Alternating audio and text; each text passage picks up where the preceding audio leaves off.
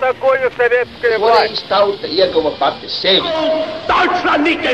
Liktenīgas nejaušības un slēptas likumsakarības, subjektīvas patiesības un objektīvi aizspriedumi. Pēc atkušņa nekad nenāk uzreiz pavasars, bet sākās Arī šodien cilvēki ir ļoti tuvredzīgi. Viņi redz to naudu, kas ir. Televīzijā jau pamatā notiek cīņa par varu. Pagātne no šodienas skatu punkta un šodienas caur pagātnes prizmu. Raidījumā šīs dienas acīm. Katru svētdienu Latvijas radio eterā Eduards Liniņš. Labdien, cienījamie klausītāji! 1918. gada 16. februārī Viļņā Lietuvas padome pasludināja Lietuvas valsts atjaunošanu. Tātad Lietuva šonadēļ svinēja savu simto gadsimtu. Mans sarunbiedrs studijā - vēsturnieks Eriks Jēkabsons. Labdien! Labdien!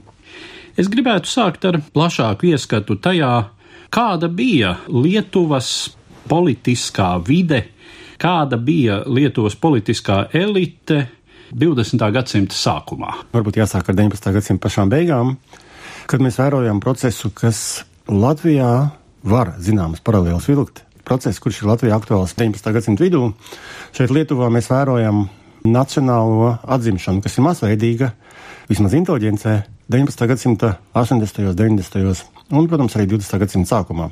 Šeit var vilkt zināmas paralēlas ar Latgali, zināmas paralēlas ar kopumā ar latviešiem, bet ir arī atšķirības. Un šīs atšķirības ir eh, pirmkārt izpaužas inteliģences īpatsvaru, kas neapšaubāmi Latviešiem ir daudz augstāks, lielāks. Es runāju par vidzemes zemgales un kurzemes latviešiem, tur, kur notiek šī atmoda 19. gadsimta vidū, un lietuviešiem viņa ir mazāka, bet viņa ir aktīvāka no tāda skatu punkta, ka viņi izvirza daudz radikālākas prasības uzreiz, un iemesls tam ir tāds, ka neskatoties uz to, ka lietuviešu lielāka daļa ir nacionāli neapzinīgi saistīts ar to, ka viņiem ir zemāks izglītības līmenis nekā kurzemes un vidzemes guberņā, bet neskatoties uz to, šie nedaudzie, salīdzinoši nedaudzie inteliģences pārstāvi sāk izvirzīt ļoti aktīvi ideju par savas valsts atjaunošanu jau faktiski sākot ar 80. un 90. gadiem, un iemesls šim fenomenam vai likumsakarībai, varbūt teiksim tā drīzāk, vai likumsakarīgajam fenomenam, ir meklējams apstākļi, ko jūs minējāt, jau lietuvieši atjauno savu neatkarību, kas arī mums kā nedaudz dīvaini, bet šeit runa par Lietuvas lielu kunīgaitīs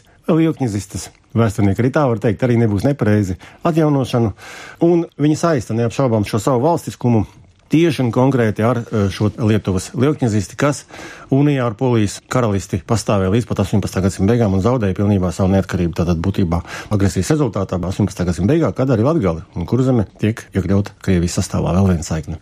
Kāda bija šīs Lietuvas nacionālās kustības pozicionēšanās pret citiem spēkiem, kas tobrīd pastāvēja Lietuvā, te mēs arī zināmu paralēli varam vilkt ar Latviju, jo tāpat kā Latvijā mums ir ne tikai Krievijas valsts vāra, kuru šeit pārstāv vietējā Krievu birokrātija, bet jāsaka, tas ir diezgan rudimentārs slānis, jo ļoti nozīmīga no vāras ekonomisko, politisko pozīciju viedokļa Latvijā ir tāpat kā Igaunijā vācu baltiešu elite.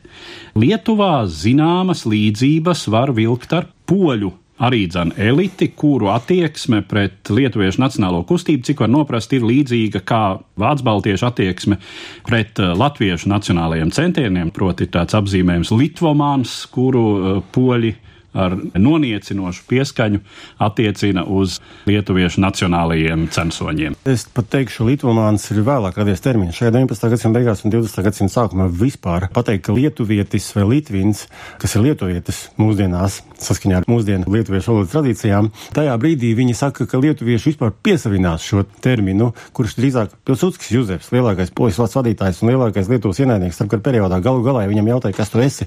Viņš atbildēja, Litvini, būtībā tas ir lietuvietis tulkojumā, kas ir absurds un nonsens no mūsdienu lietuviešu nācijas viedokļa un arī no tā laika viedokļa.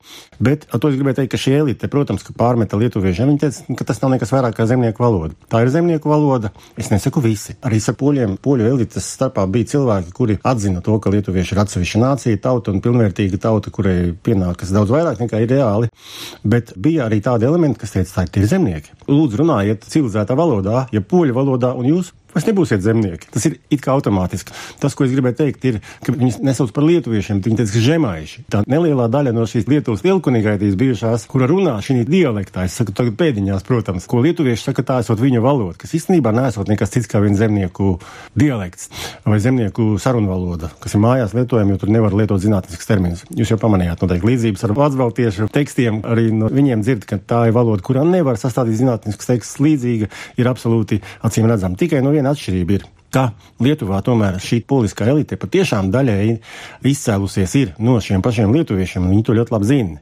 Radzivili un tā tālāk, un tā tālāk. Viņi gadsimtu gaitā ir tā polonizējušies, ka viņi ir, protams, ka nav uzskatāmi vairs par nekādā veidā par lietuviešiem no nācijas viedokļa, bet viņi ir veido jau pat ne tikai sociālu un etnisku grupu, bet Neapšaubām, kā jūs teicāt, elite.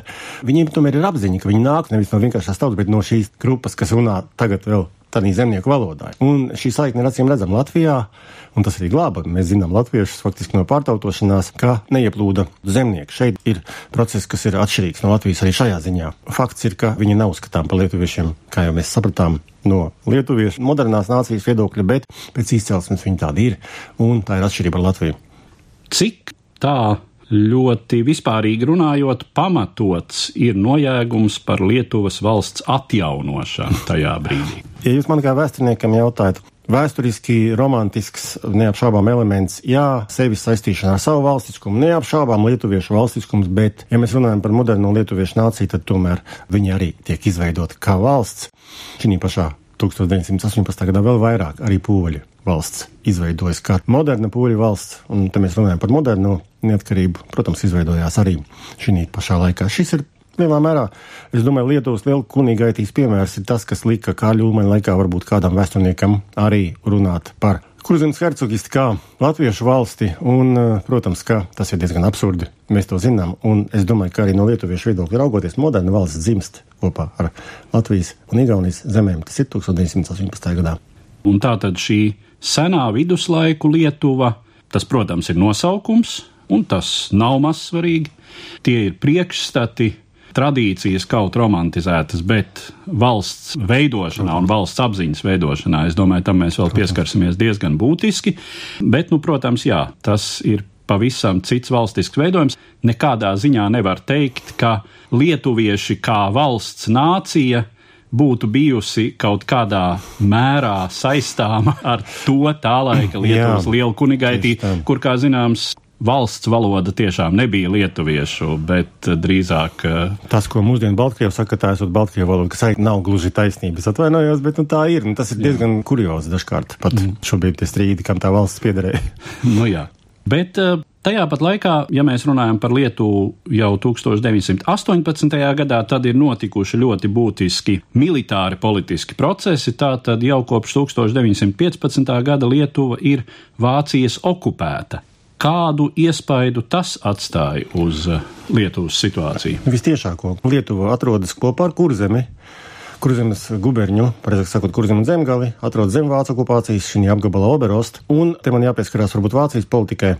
Vācijas politika Pirmā pasaules kara laikā līdz pat 1918. gadam neparedzēja īsti, ko iesākt ar zemēm iekarotajām austrumos, tā skaitā arī ar Kurzem un Lietuvu, Un līdz ar to šeit diskusija notika Vācijas augstākās varas ešalonos, vai to izveidot kopīgi, iekļaut attiecīgi kaut kādā kopīgā nākotnes Vācijas valstī, vai izveidot šeit ar sevi saistītu valstiņu tīklu vai ķēdi, kura atdalīs Vāciju no bīstamās eventuāli Krievijas nākotnē.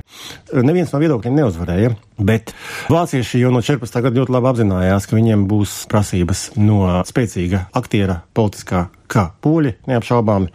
Un tāpēc šeit vēlreiz uzsvērt tas, ko es tagad teikšu, attiecas tādā veidā, ka tas nav jāuztver kā nekāds polonofīlisms vai kaut kas tam līdzīgs. Nekādā gadījumā nē, neitrāls skats no Latvijas puses, es gribētu teikt drīzāk tā. Un šeit, aizteicoties notikumiem uz priekšu, es teikšu, ka vienkārši sakrita Vācijas un Lietuvas nacionālās kustības intereses. Un tas nav nekas noniecinošs Lietuviešu nacionālajai kustībai. Tā vienkārši bija. Un šajā gadījumā, protams, poļi izvirzīja savas prasības. Viņi izvirzīja ļoti lielas prasības uz Pomerāniju, arī uz Viļņu, protams, uz šīm ieņemtajām teritorijām. Un šī brīdī vācieši, kuri uh, labi apzinājās, ka viņi īsti vēl nezina, ko iesākt ar šīm zemēm austrumos, bet kāpēc neizmantot šādu kustību, ja poļi Skaidrs, ka izvirzīs prasību pēc viņas. Vācieši pajautās, kas tad kādā gadījumā ir šie kungi, kuri prasa arī savu neatkarību. Būtībā viņi gribēja izmantot vienkārši lietuviešus, lai neutralizētu nākotnē poļu prasības. Un Ja paraugāmies uz situāciju Kurzemē un Lietuvā, tad mēs redzam milzīgu atšķirību. Mēs redzam to, kā Vācu okupācijas varas iestādes pieļauj un pat veicina zināmā mērā lietuviešu nacionālo kustību. Ceļojums cauri visai Vācijai uz konferencēm Šveicē, piemēram, Smetonam un citiem 1916. gadā un tā tālāk, lai spriestu par to, kāda būs Lietuvas nākotne kā tāda.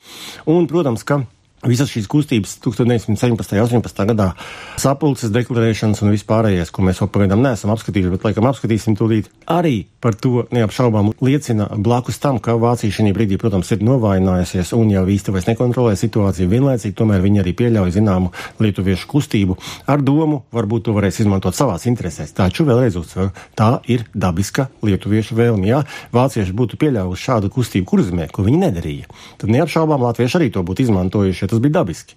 Izmantot jebkuru iespēju mēģināt realizēt šo nacionālās kustības mērķi. Un lietuviešiem šeit tas sakrita ar vācu interesēm.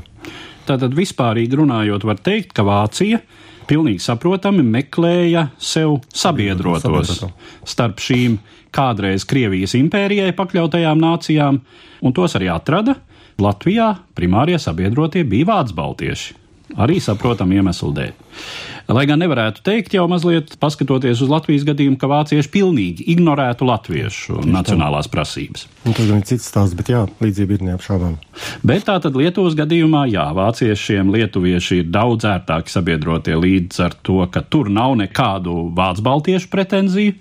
Savukārt Lietuva ir laba kārts, kuru var izspēlēt ne tikai pret Krieviju, bet arī pret Jā, Poliju, kuras laikam gan arī apmēram kopš 1916. gada nevienam Eiropā un pasaulē nav vairs īsti šaubu par to, ka Polijas valsts Jā. Pirmā pasaules kara rezultātā tiks atjaunota. Jā, un tai būs savas prasības.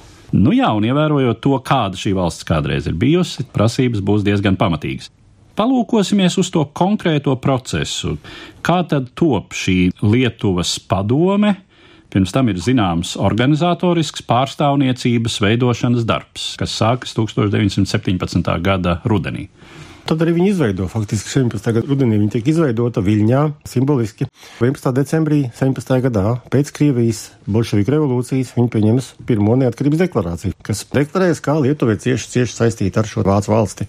Un tas izraisīs šķelšanos šī pašā padomē, kuras rezultātā notiks otrā Pēc tam vēl būs trešā proklamēšana Lietuvas neatkarības, ja un reāli Lietuva sāks kā valsts pastāvēt tieši vienlaicīgi ar Latviju. Nu, šeit es gribētu tomēr uzsvērt to, kas ir ļoti būtiski. Tas, ko mēs bieži vien dzirdam, kā Latvija bija pēdējā, iemesls ir dabisks. Vienīgā Latvija no visām Baltijas valstīm ir ar frontes līniju šķērsota. Un Lietuvā ir zem vācu okupācijas ar šo kustības pieļaušanu no vācu puses, un Igaunija savukārt nav vispār frontes darbības joslā. Kardarbība kā tāda nenotiek. Līdz ar to, protams, ka šī nacionālā kustība ir vienkāršāka un par to proklamēšana ir dabiski. Bet es gribu uzsvērt, visas trīs valstis sāk darboties reāli de facto, nevis de jure, kā neatkarīgas valstis sāk veidot savu valdību un vispār jau tikai 1918. gada novembrī.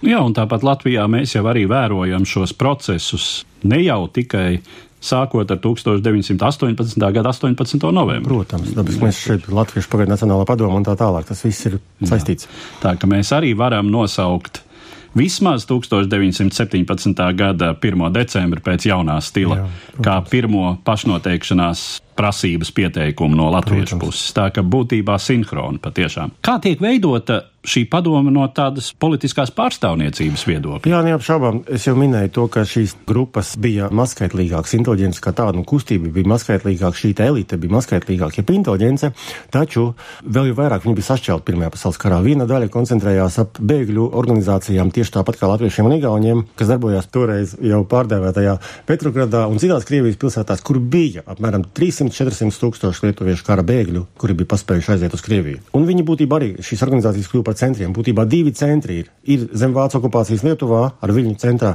un arī Petrograda toreiz un citas pilsētas, kur bija lietuviešu bēgļi. Tātad vēl lielāka sašķeltība un, protams, ka no tiem inteliģences pārstāvjiem, kuri bija puslīdz vienas prātas, ka kaut kādā veidā ir jānodibina neatkarīga Lietuvas valsts, par to arī bija diskusijas tas, ko es minēju par šo šķelšanos, arī to pierāda. Bet pārstāvniecības partijas strauji bija sākušās veidoties Krievijas daļā.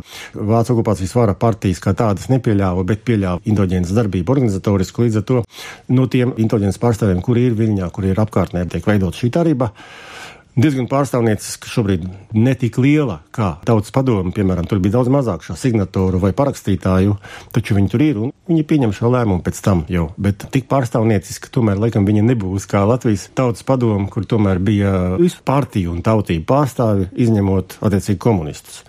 Pārējie visi tur bija. Šeit šī pārstāvniecība nav tik liela, bet tomēr viņa ir pietiekoši reprezentatīva. Par to reprezentatīvitātes jautājumu. Tātad vēlēšanas netiek rīkotas. Nebija iespējams tādas vēlēšanas, protams, šī situācijā nekādi, un tā arī sastādās līdzīgā veidā kā Latvijā tautas padomu. Sabiedriskās grupas, sabiedriskās organizācijas, un kas tad bija inteliģents, būtībā ar smetonu priekšgalā. Visi, kas bija aktīvi darbojušies šajā nacionālajā kustībā pirms tam, izcilākie cilvēki ieiet šajā tarībā.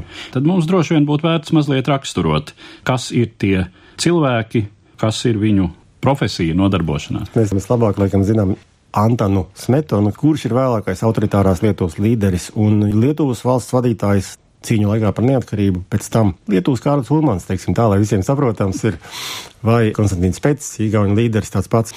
Viņš pēc izglītības ir sengrieķu filologs, kurš ir tulkojis lietuviešu valodā, kā viens no pirmajiem Platona rakstus, mācījies savā laikā Jēlgavas ģimnāzijā, no turienes izslēgts par piedalīšanos lietuviešu nacionālā kustībā. Vispār Jēlgava bija tajā brīdī. Lietuviešiem tas pats, kas latviešiem Tartu vai latviešiem Tērbatā, lietuviešiem tā bija Jēlgava, un tam arī ir savi iemesli. Protams, pirmais ir tāds, ka pēc visām šīm poļu un lietuviešu sacelšanām 19. gadsimtā nebija faktiski Lietuvā iespēja iegūt ne tikai augstāko, bet arī vidēju izglītību, gimnāzijas izglītību. Līdz ar to viņi brauc uz Jēlgavu, un šeit arī bija šis centrs. Smetona bija viens no viņiem, neapšaubām, kurš šeit mācījās. Man liekas, tur mums ir piemiņas plāksne pat viņam. Un šeit, attiecīgi, tad viņš apgūst pēc tam šīs svešvalodas, senās valodas un ārkārtīgi inteliģents cilvēks kas it kā runā pretīgi varbūt tam, ko viņš pēc tam dara, bet atkal mēs šo viņa darīšanu pēc tam raugamies dažkārt no mūsdienu viedokļa, un tas jau liek viņu ārkārtīgi nosodīt. Nu jā, viņš neapšaubām šī brīdī ir gaišs tēls. Tāpat kā Kārlis Ulmans. Jā, tieši tā. Tieši tā. Jā. Te nu mēs varam saskatīt paralēlus, par kurām droši vien reiz vien vēl runāsim, skatoties uz mūsu nāciju neatkarības iegūšanas gaitu. Vēlreiz vairāk raksturojot vācu okupācijas iestāžu tādu vispārējo politiku tā laika Lietuvā, tātad šī okupācijas režīma raksturs. Nu, Lietuviešu vēsturnieki sāka un pamatot saka, protams, ka vācu okupācijas režīms mēģināja darīt visu, lai izmantotu savā labā ieņemto teritoriju. Un es gribu nedaudz nevis aizstāvēt vācu okupācijas režīmu, bet pateikt, ka tas ir dabiski. Pilnīgi dabiski, ka Vācija, kas karā cīnās 3. un 4. gadu, izmanto šīs ieņemtās teritorijas, lai savu ekonomisko stāvokli uzlabot, izmantot šīs koksnes, īzai materiālus un visu pārējo. Un, protams, ka tāpēc viņi jauc ārā dzelzceļus, cik viņi nu, tur ir. Tad Lietuvā viņi ir mazāk nekā Latvijā to laiku, bet tas tiek darīts. Un to dara visas okupācijas armijas. Būtībā, protams, viņi izmanto savās interesēs, bet vēlreiz gribu uzsvērt, viņi nav izlēmuši, ko darīt ar šo Lietuvu pēc kara. Viņi grib uzvarēt karu, bet viņi nezina, ko iesākt. Nav izlemts tas, ko darīs ar Lietuvu pēc tam. Un šie divi viedokļi, kurus es minēju intervijas sākumā, par šo Mitela Eiropu vai kopīgo Vācijas telpu, kurā būs iekļautas zemes arī austrumos. Viens variants, ko aizstāvē militāra personas, un otrs variants ir veidot nomināli neatkarīgu, formāli neatkarīgu valstiņu ķēdi, kas sadala Vāciju no bīstamās eventuāli Krievijas. Un starp viņām neapšaubām ir arī Lietuva. Turklāt es gribētu uzsvērt Lietuva ne tikai ar mūsdienu izpratnē lietuviski etniskajām teritorijām, bet arī ar to pašu Baltkrieviju, kur arī vācieši redz kā bijušo kunīgaitīs daļu vismaz vienu brīdi, pēc tam, kad viņš Baltkrievs izmantos līdzīgi arī tie proklamēja savu neatkarību martā 18. gadā. Faktiski šī vācu okupācijas politika ir nenoteikta, tāpēc, ka viņi nezina īsti, ko darīt, un izmantojoša neapšaubām tieši tāpat kā kurzemē un zemgalē. Kā Lietuvas valsts veidotāji redz šo savu nākamo valsti? Teritoriālā apjomā, etniskā sastāvja apjomā un tā tālāk. Nu šeit paceļās tas sāpīgākais jautājums, kurš būs uh, aktuāls un sāpīgs ne tikai dažu valstu savstarpējās attiecībās, bet viņš būs sāpīgs arī Latvijai. Gan no tāda viedokļa, ka dažkārt atsevišķi lietuviešu politiķi teica, ka, piemēram, arī Liepāja pieder Lietuvai, izējot no aprēķina, ka tur skara bija 17% lietuviešu pēdiņās, ja citiem vārdiem poļi teica to pašu poļu aprindas, kuras arī teica, ka viņiem pieder liepā, arī teica, ka 17%, bet poļi. Tur bija patiesībā 17% katoļi 17. gadā. Jā, bija lielākā daļa no viņiem bija no Kaunas gubernijas, bet jebkurā gadījumā tas nav pamats, lai pateiktu, ka liepā ir viņu. Un šajā gadījumā pamatojums bija tas, ka viņiem vajag vienkārši ostu. To nesaka visi, bet uh, daži politiķi to saka Lietuvā arī 18. un 19. gadā, kad jau būs Latvija izveidojusies. Taču Parīzes mieru konferencē 19. gada sākumā lietuvieši savas teritoriālās prasības izvirza un saskaņā ar šīm prasībām Lietuvas teritorija, protams, ir ievērojami lielāka nekā šobrīd ar Grodņu, Suvalkiem un tā tālāk Lietuvas sastāvā visām teritorijām, ko viņi uzskata par savām, jā, ar 10 miljoniem iedzīvotāju Lietuva var būt šādā gadījumā ar ļoti lielām teritorijām, kuras ir kolonizētas, pārkrievotas arī. Neapšaubām Baltiskas izcelsmes zemnieki Vēl jaunajos laikos, un pat 19. gadsimta sākumā, varbūt procesu rezultātā, kur ir notikuši šajās teritorijās rusifikācijas laikā, ir pārpoļojušies. Paradoxāli, bet pārpoļojušies, ap citu, tieši tādā pašā veidā kā Latvijā. Un rusifikācija, kuras mērķis bija likvidēt poliskumu, patiesībā radīja šo poliskumu un radīja poļu zemniekus, jo zemnieks, kurš neapzinājās, ka viņš ir lietuvietis vai latvietis latgalē, vienkārši ļoti labi zināja, ka viņš ir katolis. Un jebkura vēršanās pret katolicismu šajā gadījumā kā pret poliskumu panāca to, ka zemnieki vēl vairāk sakļāvās ap katoļu baznīcu un sāka runāt poliski. Bet tas jau ir cits stāsts. Šeit neapšaubāmi lietuvieši tieši tāpat kā visas pārējās valstis topošās centrālajā un austrum Eiropā prasa sev vairāk nekā varbūt no kaimiņu viedokļa viņiem pienāktos. Lietuvieši varbūt pat vairāk nekā citi. Nu jā, atkal jāsaka šī vecās Lietuvas, senās jā, Lietuvas tradīcija. Un uh, tur jau, nu, protams, varētu pretendēt jā. teju vai arī uz, uz Melno jūru, uz Kievu un Lvovu. Bet uh, kā ir ar Lietuvas teritoriju, kas tagad tai pieder, proti ar Mēmeles apgabalu? neapšaubāmi tā devē mazā Lietuva. Tad teritorija, kas viduslaikos jau nonāk Vācu valstu vai ordeņa zemju sastāvā, šeit līdz 19. gadsimtam un pat līdz 20. gadsimta sākumam lielā mērā saglabā savu etnisko savdabīgumu, ja citiem vārdiem mazā Lietuva 19. gadsimta otrajā pusē un pat jau vidū kļūst par vienu no lietuviešu nacionālās kustības centriem jo viņi tur ir izglītotāki. Šie lietuvieši piedarīja Lutāņu ticībai. Tas arī ir interesants elements. Un, protams, ka šeit šis lietuviskums ir. Un brīdī, kad Viņas Kaunas guberņā, citās lietuviešu apdzīvotajās zemēs, arī Suvalku guberņā, notiek rusifikācija šeit no šejienes tieši no Austrumprūsijas vai mazās Lietuvas. Klaipēda tā skaitā ceļo tiek iespiestas lietuviešu grāmatas, prese un tā tālāk, un būtībā tas vēl vairāk palielina šī apgabala nozīme lietuviešu visā šī atmodas kustībā. Taču uz 20. gadsimta sākumu šie lietuvieši ir ļoti lielā mērā savādāki nekā pārējā Lietuvā. Viņi ir zaudējuši varbūt šo pārliecību, ka viņi pieder tai pašai lietuviešu pamatmasai, kurai ir otrā pusē bijušajai robežai. Un vienlaicīgi, protams, viņi, ja pat daļa apzinās, ka viņi ir lietuvieši, tad 30. gados mēs redzam, ka šī apzināšanās tomēr ir vāja salīdzinoši, jo, ja mēs paskatāmies uz Klaipēdas skolu vecāku aptauju, spēcīgs nacismu iespējas 30. gados beigās, tad tikai daži procenti no vecākiem aptaujā teica, ka vajag mācīt vispār lietuviešu valodu kā tādu. Tas ir neskatoties uz to, ka formāli apmēram pusiedzīvotāji Klaipēdā, Klaipēdas pilsētā ir etniski lietuvieši. Man liekas, ka viņus pieskait pie lietuviešiem šajā gadījumā ir pieskaitīti arī kursenieki vai kuršu kāpiedzīvotāji, kas ir tuvāk latviešiem patiesībā pēc valodas un vēl dažām lietām, arī etnogrāfijas Bet šeit neapšaubām redzam šo ļoti saudabīgo Lietuvas teritoriju apgabalu, kurš ir neapšaubām pagātnē lietuvisks. Cita lieta, ka uz 19. un 20. gadu šī situācija tur ir tāda ļoti specifiska jau, un ģermanizācijas procesi ir ārkārtīgi tālu virzījušies. Te nu jāsaprot, sevišķi runājot par procesiem 30. gadu beigās, ka būt Vācijas sastāvā ir izdevīgāk. Ir izdevīgāk, ekonomiski, ir prestižāk, droši vien.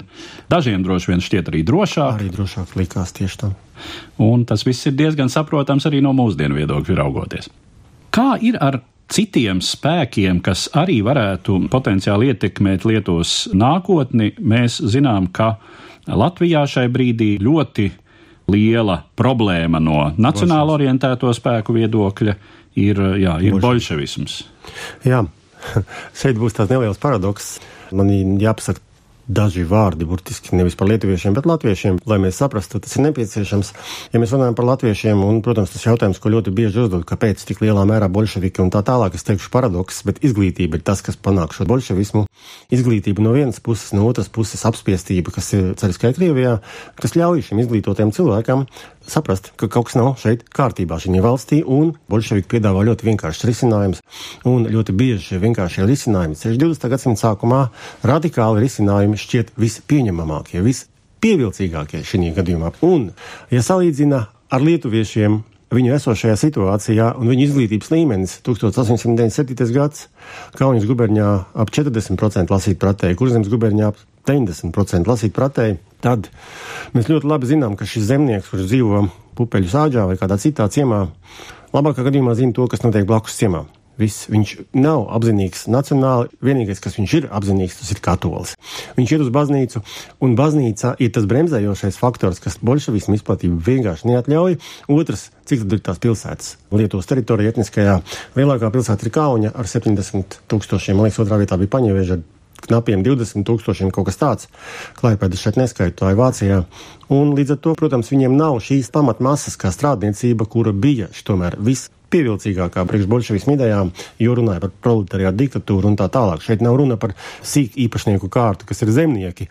Un plus katoļi. Zemnieki plus katoļi. Paskatāmies uz Latviju. Latvijā arī bija, protams, bolševiki, tāpat sapcīt, kā lietuviešiem viņi bija, Krēvim, Skevičs un vispārējie, bet nebija attiecīgi tik populāra šī kustība, un šeit tas ir saistāms ar izglītību pirmkārt. Cik Lietuvā tobrīd potenciāli ietekmīgi ir poliski orientētie spēki, cik, teiksim, Lietuvai iekšēji aktuāli ir Krievijas impērijas atjaunošanas tendence? Ja skatāmies uz šo kara laiku, uz 1918. gadu, tur patiesībā ļoti vāji. Tur nekā nav, jo Krievijas piekritēji un atbalstītāji atrodas vai nu bēgļu gaitās, vai paši mēģina sēdēt ļoti klusu un neko neteikt. Būtībā Krievijas mužniecības īpatsvars nav augsts. Šeit ir tomēr saglabātas šie katoļu zemes īpašumi, un tie lielākoties ir poļu mužniecība. Turklāt pret viņiem Vācijas okupācijas varas iestādes izturās samērā labi, un viņi tur arī darbojas. Tas ir tas, kas Vācijas okupācijas iestādēm pašām liks saprast, ka būs šīs prasības no poļu puses, bet Krievu ideja, protams, ir vāja tāds populārs viedoklis, mēs jau to šeit eh, lielā mērā iztirzājām, bet nu, tātad populārs viedoklis ir tāds, ka Lietuva ir Latvijai drusku priekšā valstiskuma pasludināšanas un līdz ar to arī valstiskuma veidošanas ziņā. Tas, ko nāks reizēm dzirdēt, nu jā, latvieši. Pēdējie. Pēdējie. Bet kā mēs faktiski varam komentēt šādu? Nu, pavisam īsi var komentēt, tam nav nekāda absolūta pamata, jo pamata nav, tāpēc ka vienīgā Latvija no visām Baltijas valstīm ir frontes līnijas šķērsot. Ir visur karastāvoklis, vienā pusē viens, otrā pusē otrs, un okupācijas režīms, kā tāds vācu šī gadījumā, un atšķirībā no Lietuvas viņš nepieļauj nekādu latviešu nacionālu raksturu darbību, jo šīs intereses šeit nav kurzemē. Kurzemē domā par kolonizācijas nākotnē eventuāli, un Nekas tam līdzīgs nav iespējams. Pasludināt neatkarību šī brīdī nav iespējams Latvijā februārī, kaut vai tāpēc, ka šeit norisinās kardarbība. Februārī otrs šeit nav iespējama pat pulcēšanās brīvības, nav kā tādas vācu iestādes to nepieļauj. Trīs cilvēki kopā nevar kara stāvoklī pulcēties bez atļaujas, kas saņemt no policijas iestādēm. Visi centri, visa inteliģence ir ārā no Latvijas teritorijas šī gadījumā. Labi, valkā tur vēl nedaudz bet eh, viņi ir prom Krievijā, un Krievijā proklamēt šo neatkarību nav iespējams tādā veidā, kā tas tika izdarīts Viļņā. Tad Lietuvā būtībā šeit mēs redzam veicinošus apstākļus, Vācijas iestādes pieļauj šo proklamēšanu. Otrs, Igaunija izdara to, kamēr vācieši vēl nav ienākuši. Tad dienā nākamajā dienā Igaunijā ienāk vācieši un likvidēs šo neatkarību. Nepieļaus nekādas Igaunijas valdības darbību, un vēlreiz uzsver visas trīs valdības reāli, un vēl Polija pieliekam klāt, un būtībā arī visu citu zemju, Čehoslovākiju un tā tālāk, un tā tālāk, Ungārija. Neatkarība sāksies tikai pēc tam, kad sabruks impērijas pavisam, un tas ir 1918. gada rudenī. Droši vien tas, ar ko mums vajadzētu mūsu sarunu rezumēt, tātad cik lielā mērā tajā brīdī šīs jaunās pirmām kārtām Baltijas, bet visas Austrum Eiropas nācijas apzinājās cita citas centienus, cik lielā mērā tas bija saistīts process šo jauno valstu veidošanās? Viņš nebija saistīts savstarpēji tiešā veidā starp šīm valstīm kā bilaterāli, bet viņš bija neapšaubām saistīts ar vieniem un tiem pašiem cēloņiem iemesliem. Pirmkārt, iemesls bija tāds, ka Šīs tautas bija gatavas savam valstiskumam viens, un Pirmais pasaules karš pavēra šo iespēju, deva šo iespēju realizēt šo savu valstiskumu pat tautām, kuras vēl pirms tam oficiāli nebija noformulējušas šo nepieciešamību pēc savas valsts, bet pēc visiem kritērijiem gan latvieši, gan ligauņi un arī lietuvieši, nedaudz mazāk ņemot vērā šo īpatsvaru, par kuru es minēju iepriekš, taču tomēr arī atbilst jau apziņa par robežām, apziņa par savu tautu, nāciju, visi nepieciešamie institūti ir šī brīdī 18. gadā tautām, lai realizētu savu valstiskumu. Ar tādu secinājumu tad mēs arī noslēdzam mūsu šodienas sarunu, kas bija veltīta Lietuvas valstiskuma pasludināšanai pirms simts gadiem, un es saku paldies manam sarunbiedram, vēsturniekam Ērikam Jēkabsonam. Paldies! Katru svētdienu Latvijas radio viens par pagātni sarunājas Eduards Liniņš.